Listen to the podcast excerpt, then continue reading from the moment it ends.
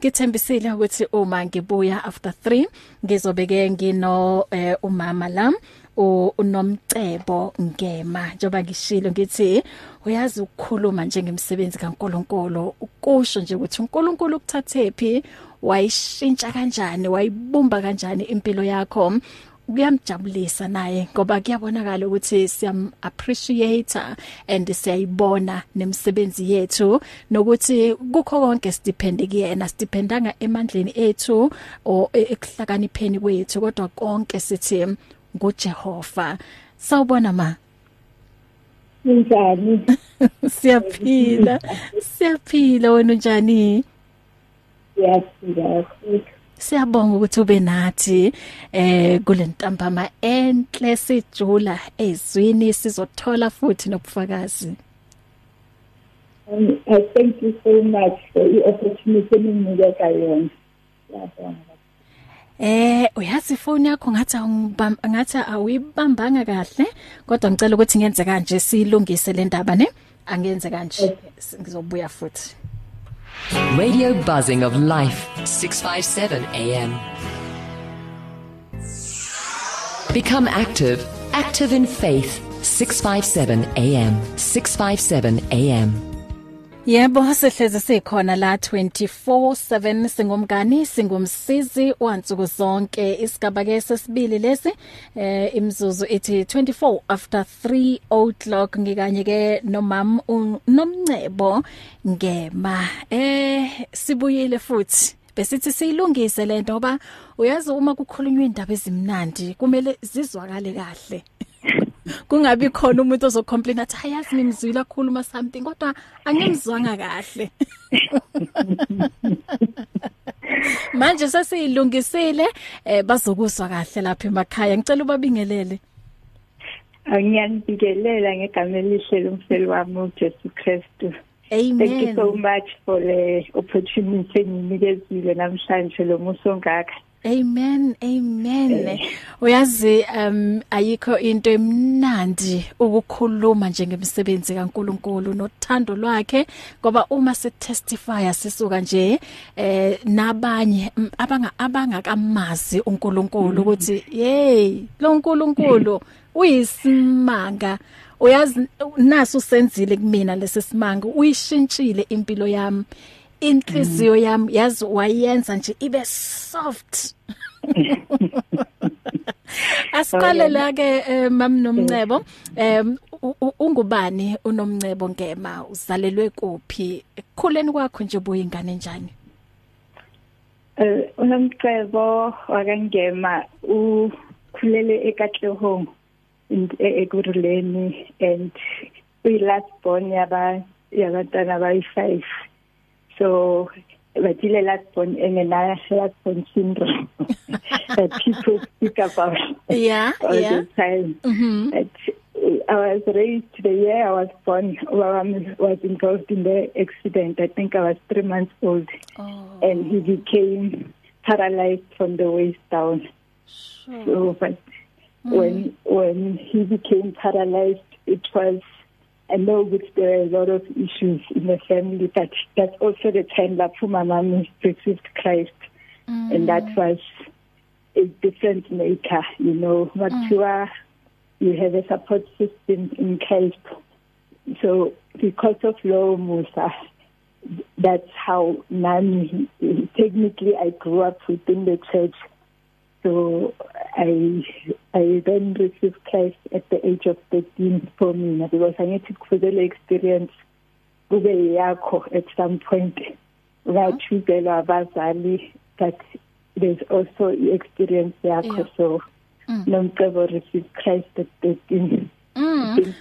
Yeah. So kusho ukuthi nje awuzange ube ingane ehluphayo ngoba u- ukhule ngalo leli vangeli until kwaze kwafika isikhathi manje la sohlakaniphe khona ukuthi mina ngunomncebo hayi ngoba ekhaya kuyakhuleka kodwa wena wamthatha uKristu njengomsindisi wempilo yakho.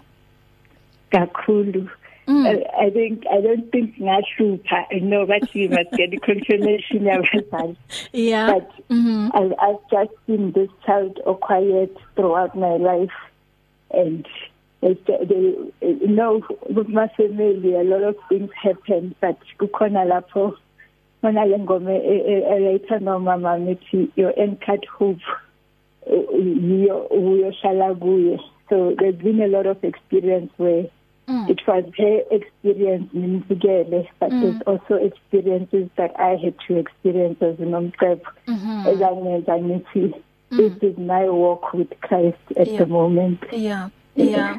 Um njoba usho ukuthi ukhuleke ubaba um seka hlezi ku wheelchair so lokho azange ukuthikameze wena uyingane or uthola ukuthi lapha ekhaya manje nibona ngathi kukhona into eyishodayo ngoba I, believe ukuthi um, cishe yonke into manje beyibheke umama mm.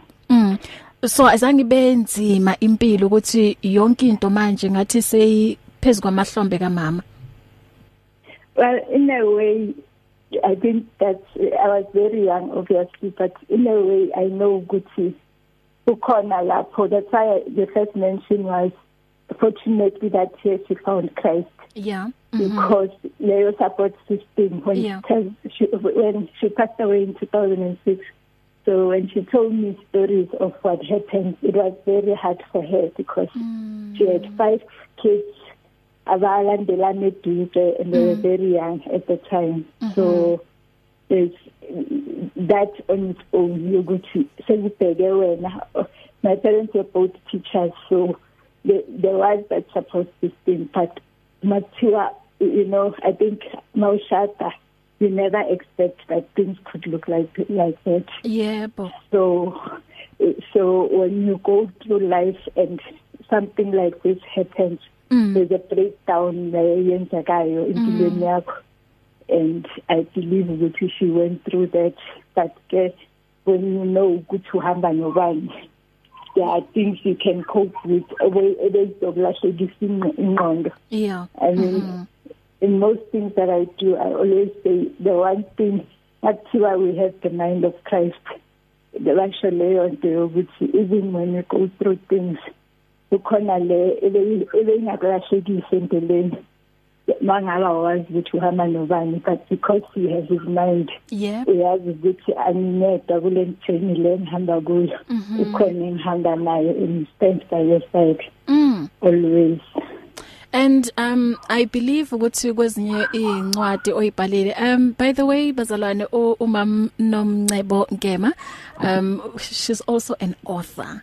And ubhale nje incwadi ezimbalwa and njengoba ukhuluma nje ngiyacabanga ukuthi ezinye zeincwadi zakho et- entitled uncon uh, God's unconditional love mm. i-inspire ama experiences wakho empilweni and mm. walibona uthando lukaNkuluNkulu ukhula uyingane em mm. ulahlekelwa umzali kodwa walibona waqhubeka walibona uthando lukaNkuluNkulu mm. mm. Uh, I remember Bangkali God's unconditional love. One of the major things I was starting to discover, I've always read the Bible, but there were major things that I wasn't protected to with Bible. And one of the things that stood out to ukuthi, you know, uJesu makasuke ezulwini ezimhlabeni, he could have said, but ama-angels ukuthi azoba ama-disciples akhe. But he chose men and women just like you and me ukuthi kube yiwo amservayo and despite history yabo despite ukuthi uh, he didn't choose ama-billionaire he didn't choose he chose you and me because that's how God operates in his unconditional love. We get to experience him. So in the book I I just express ukuthi this is how I'm seeing the grace yaNkulunkulu because none of us deserve it. But he just gives it to us kuyiqiniso ngempela and sibonile um lapho uNkulunkulu enikela ngendodana yakhe kuJesu Kristu ukuthi asifele uyazi akekho umuntu ongakwenza lokho sesinomncebo. Even Not at all. nawe ungumzali angeke uthi mina nginikela ngempilo yami ngiyayifela lenkani kodwa uNkulunkulu wakwenza lokho. Mm. mm You know, one of the mo- mo- amazing verses, uh, my, one of my favorite scriptures, Romans 8:32. lapho athi he did not spare his his own son but gave him up for you and for me when i translate it ngithi he could have spared his own son but he did not because bekane power yokuthi hey no you mawumzali uyavikela so mase kufika something ezofa affect umntwana you do everything yokuthi wenze sure ukuthi protected. So God could have done that to his own son but he did not. Yeah. Because of ithanda nalo sothina mhm uyazi kule ncwadi yakho ngenkathi ngiyifunda kunale em kunalamazwi owabhalile ukuthi heaven is not formed. It is part of who God is mm. what it is where the will of God is not questioned it is mm. where God himself gives commandments and where he is supreme ruler of all aus mm. aus ausnabele yona le ndaba now i think most of us must cabang heaven uh, about izulu we think it's a it is a sacred place but something happened magu magu fujesu and when you read about his death you you read about how ikathi ikethine beyihlukanisa isifaka in the place of the holy of holies was suddenly we could be in the presence of God lapho besingavumelekanga. So in what heaven provided it is where God you know mawufundile i John 3 verse 16 ethi ngoba uNkulunkulu asithanda kangaka wanikela ngomntanakhe it's because within the space of uNkulunkulu he's always had that much love. And when you read from the Old Testament until kufika uJesu yeah. there's always been ways ukuthi I want you in my presence mm. I want you he, he always reached out whether ngama ngaba prophet whether ngama king bekakhuluma ngawo mm. but he's always wanted us to be in his place mm. but there's a point where we couldn't no matter what we did kufunda ngemishadelo ebeyenziwa. Yeah. Ufunda there were many ways we tried to get into the presence of God but he didn't give up on us because of who he is and because of the love that we he has for us. So as as the, the book says that he he usithanda kangako ukuthi you know there's a point lapho uthi yazini utshontshe kakhulu wena asafuni ukuthi ubone imali phambi kwakho because you don't seem to have control. Mm. but despite that uNkulunkulu had always made a way and finally he gave us his son. And that's what this book speaks about. Yeah. Um sasinomncebo empilweni kukhona ikhathi lapho sishayeka khona sikhona ikhathi Mm. lapho siba challenge khona and Mm. abanye umuntu azagcina athi hayi ukhona mara uNkulunkulu angavumela kanjani ukuthi ngibhekane nesimo esikanje and azi ukuthi ngithembekile kuyena? Omunye azabale nje ukuthi ngiyathaitha ngiyaya esontweni ngiyaseva esontweni um kodwa uma ebhekana ne challenge bese ke uya question futhi ukuthi uNkulunkulu ukhona? Why uNkulunkulu angiyekile ngibhekane nalesi simo ngabe nawe empilweni siya sabakhona leso simo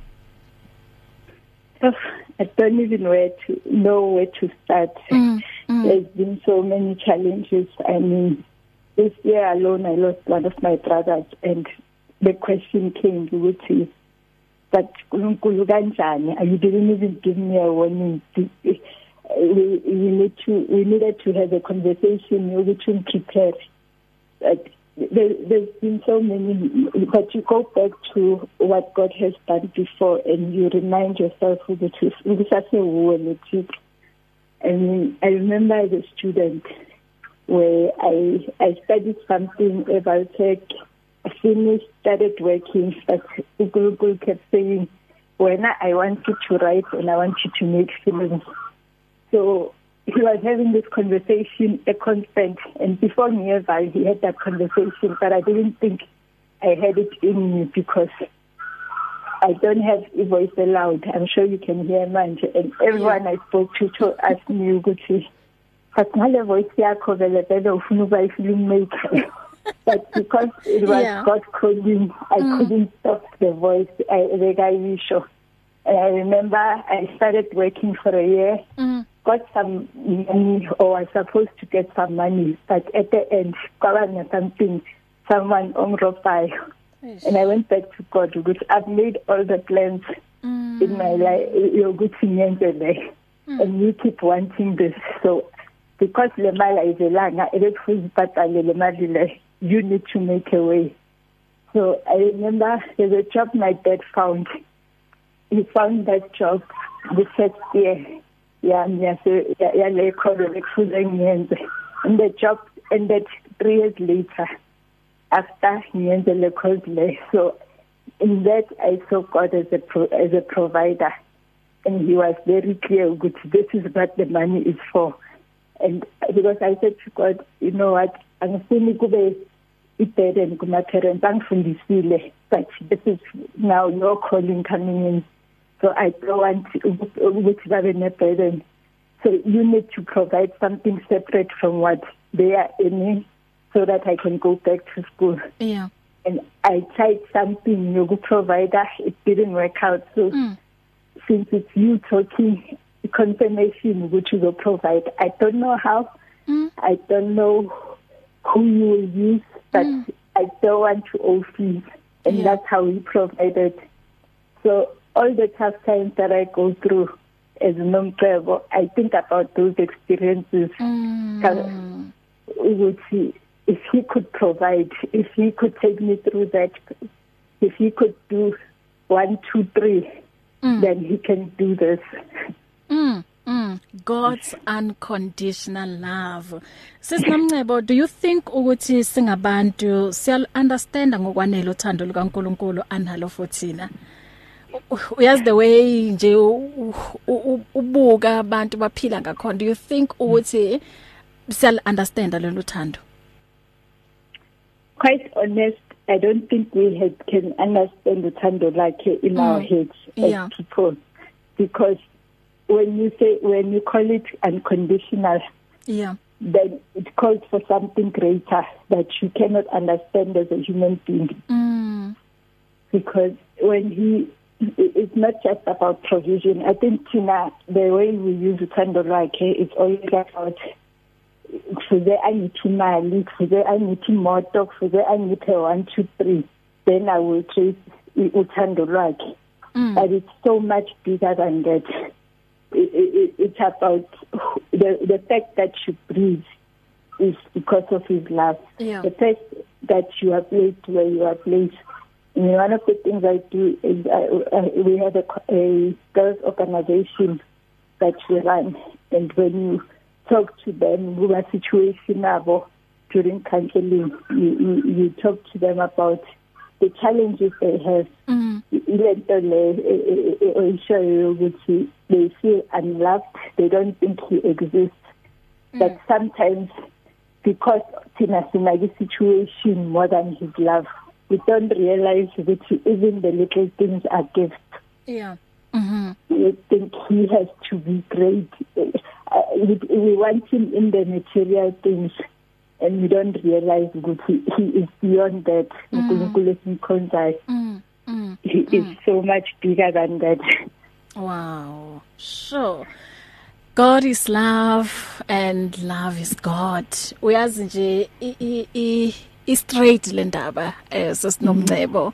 uNkulunkulu uthando and uthando luNkulunkulu so kusho ukuthi uma ungenalo uthando awunayo uNkulunkulu. Uma ungenayo uNkulunkulu awunalo uthando. Wow.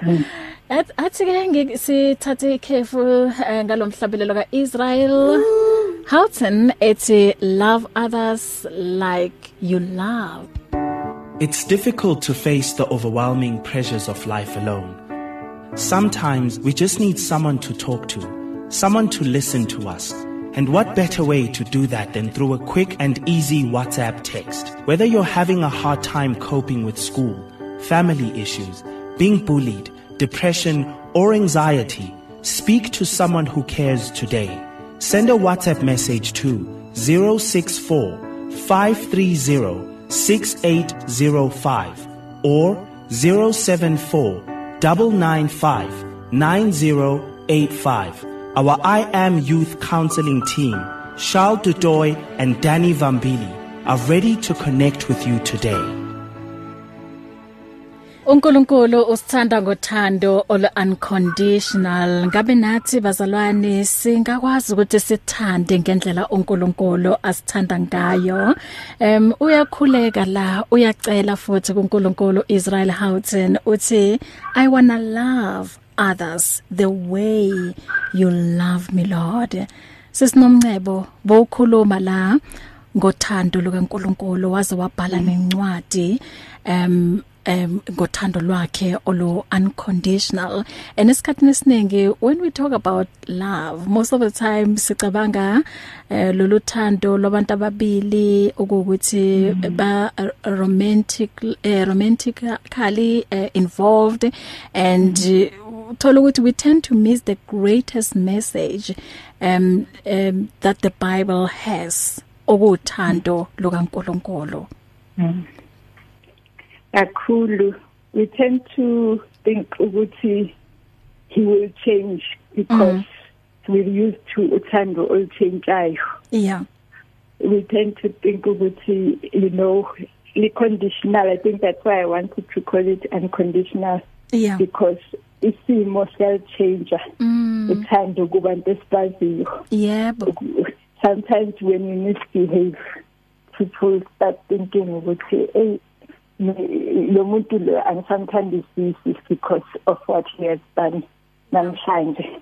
But uNkulunkulu you know there's a book ku Jeremiah athi before I formed you I knew you. Yebo. I set you apart.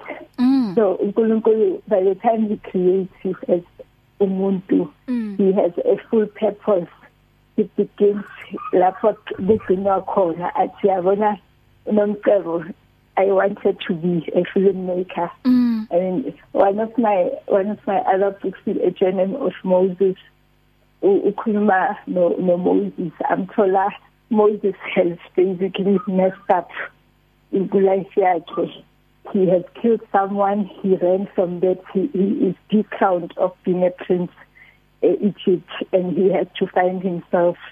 And 40 years later, God comes to him and says, "I have purpose for you." so mm, the book mm. basically talks about ukuthi yena bese ka give up Moses bese ka bese ka I've ended my journey mm. and this God has forgotten me I've heard about him but firstly uNkulunkulu go to the depths and finds him lapho akhona lapho acabanga ukuthi usifihle khona Mm. and everything he's done before comes into account. Moses grew up in Egypt in in, in, in Pharaoh, Mm. and because of the purpose God gave him, ukuthi one day I want you to when his story begins as a baby, slavery khona in Egypt Wow. already. Mhm. So God says to him, labantu labo bashile laba ukuthi wena uqale ngokuzilwela wabulala umuntu. Mm. So but i-purpose yakho is found within what you were trying to do. Yes. So there's always this calling that God whispers secretly. Is it everything you've been through as an individual? Mm. It's because of the purpose that I have for you. Mm. So for Moses, he goes there and reaches out to him. And one of the things Moses says is, I can't even speak. Mm. Yini le ucabanga ukuthi because everything about him has been at the end. Mm. I'm sure I always imagine ukuthi bese kabalithuna yakhe ukuthi ya sengina 80 manje kuphelile nami. Mm. Mm. yonke into ebengizoyenza la emhlabeni iphelile but God reaches him ukuthi yakhumbula ngikufaka you didn't even deserve kuba sendlini kaFaro Mm. and I put you there and I raised you there because you have a purpose makaya ayokhipha abantwana baka-Israel he couldn't be starting out afunda ama protocols Mm. asendlini kaFaro he needed to know them. So God placed him there as a child. And the second thing God does ukuthi makamfaka e makabaleke itching he put him in the in the peace house. Mm. There were certain protocols ezifunde lapho ukuthi how do you take God's people to God. Mm. So he needed those 40 years ukuthi afunde ukuthi okay this is how God functions in a priestly manner. So ikhona iveselithi ya ya king priest ebhayibhelini and Mm.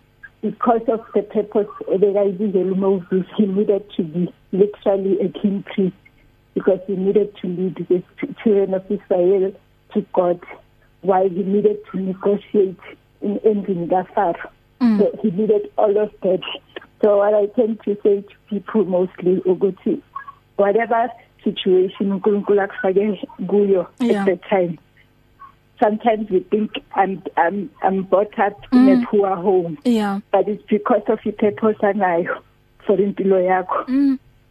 and if you don't reach that purpose you will always be blaming him Mm. I could It's true. the excuse could be Mara you made my father go use a wheelchair Mm. throughout my life but I know which in some ways there's purpose in that and sometimes our circumstances that speak to our purpose Mm. as human beings Mm. Mm. and, and until we understand that we will always be fighting God about what we are going through Sure. It's it's true as is nomncebo.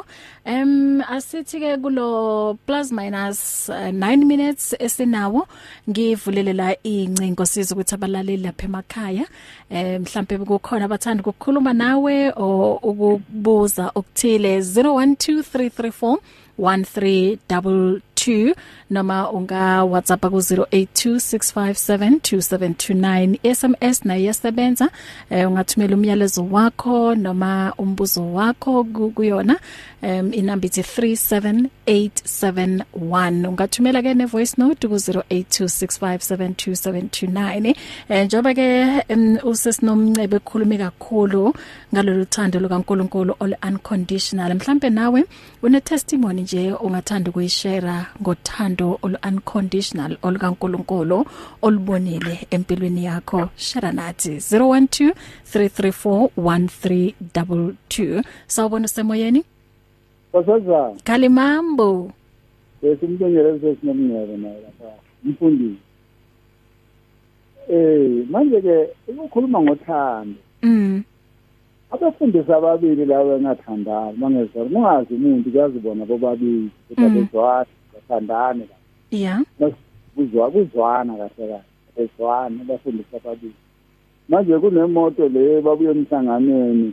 Imoto izothatha bona lelo imise le ukuphile base ukuphile eh ya ngizokhumbula ngale edinga seduduze droba leduduza ngale enaje manje lelo munye lapha phakathi emotweni lo ungazwani leya waduka leya wangafuna ukungena lapha emotweni. And amatekisi laya le ayasuphanyana adura ngawugibele uyasugibele manje ke wangangena loyo mfundisi omunye lapha kunalo mngane lobangezwani loyo.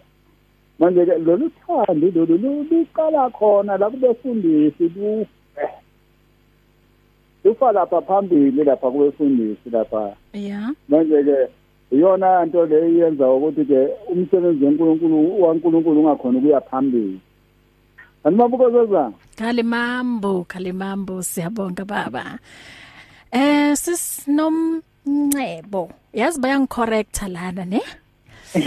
Kanti wayiwona ungangicorrect sisinom nomncebo? Bathi Nomcebo. bathi- bathi ngingathi eh nom okay mina Nom- it seems mina ngithi nomncebo. nomcebo so bathi bathi bathi badle eh na not nomncebo Hey okay hey senizongixolela bazalwane. Ngiyaxolisa. Okay so li pronounce kanjani? Sisinomncebo yebo. How do you pronounce your name? Nomcebo ngema Nomcebo. Nomcebo eh so mina ngithini? Ngithi nomncebo. Nomncebo. Angithi le ndaba esiphethe so i didn't even hear ukuthi i will be Hey kodwa ngiyabonga ke ukuthi bangicorrect. Hey yeah.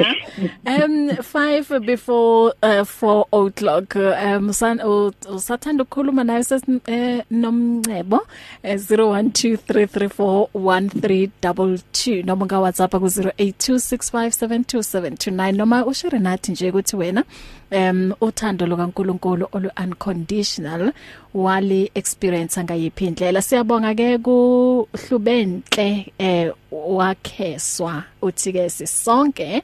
Eh siyabonga siyabonga budwami ukuthi ke sijule ezwini emsinda wonye. Sisinomncebo kuloyo mhlawumbe othi ay uyazi mina uthando lukaNkuluNkulu angikazi nje ngilibone ngoba eh ngiyakhula ngimgaka uyazi nje always kukhona engibhekana nakho empilweni.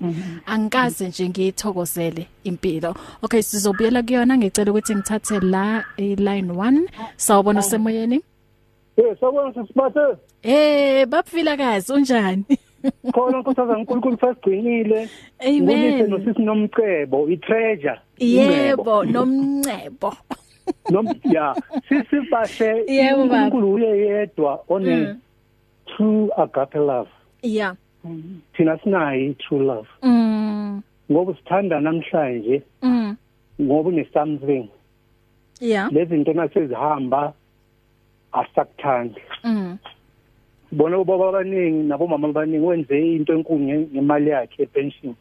Wafaka ama room la ekhaya kwenzani? Kodwa namhlanje asena mali abasena ndaba nayo uyalibona uthando lethu kulunjani? Mm. Sithanda ngoba at that time. Kepha uNkulunkulu wasithanda sonke wazanikela ngendodana yakhe izibulo uJesu Kristu. Azangamgodle wanikela ukuthi azofela izono zethu enganasono. Mm. So nasesi kuJesu Kristu masibe nalo loluthando kepha ngeke silithole nge- ngeflesh inyama yethu. Sizolithola ngokukhuleka nokuthandaza and sibe nepeace njalo siphilisane singabantwana baNkulunkulu. Ngiyabonga kakhulu. uNkulunkulu anibusise. To God be the glory. Amen amen. Siyabonga kakhulu babufila guys God bless you. God bless you too my sister. Mm. Um kune WhatsApp lana uthi siyabonga ukukhuthazwa usisi nomncebo. Eh God bless her and please share the books uh title for us uh, to go and get it and see God's unconditional love. O masithole sisinomncebo sisalela imizuzu emibili. Ngiyacabanga ukuthi njoba becela la ama contacts wakho ungavele nje u- usishiyele wona. Bakuthola kuphi? Okay, I have a WhatsApp number 072 522 9894. And I also I'm also on Facebook as a page Lami Unamtebok Creatives and I have e Instagram as well Ngema Nomcebo. Mhm Yebo. Twitter No Twitter, I'm on Twitter, but there's a long number after my name, so I'm trying to remember that. That's okay okay Mhm mhm But I can send the details if someone wants me on Twitter. yeah konje zinye incwadi zakho zingaki konje incwadi ezibhalile V4, and I'm about to publish the fifth one. wow ayokuqala ithini Okay, the first one is God's unconditional love. mhm The second one is A Journey for Moses, which is the one I was talking about. yeah The third one is called Can You Be Trusted with Pain? wow And the fourth one is a children's book called Black Hair Magic. And it's just to encourage abantwana to accept their natural look. mm wow And the, and the one I'm about to publish is called The Nameless Women in the Bible, Mm. talking about the women who were not given names in the Bible, Mm. but uh, have a crucial testimony to share. sure That's the first story. Mm.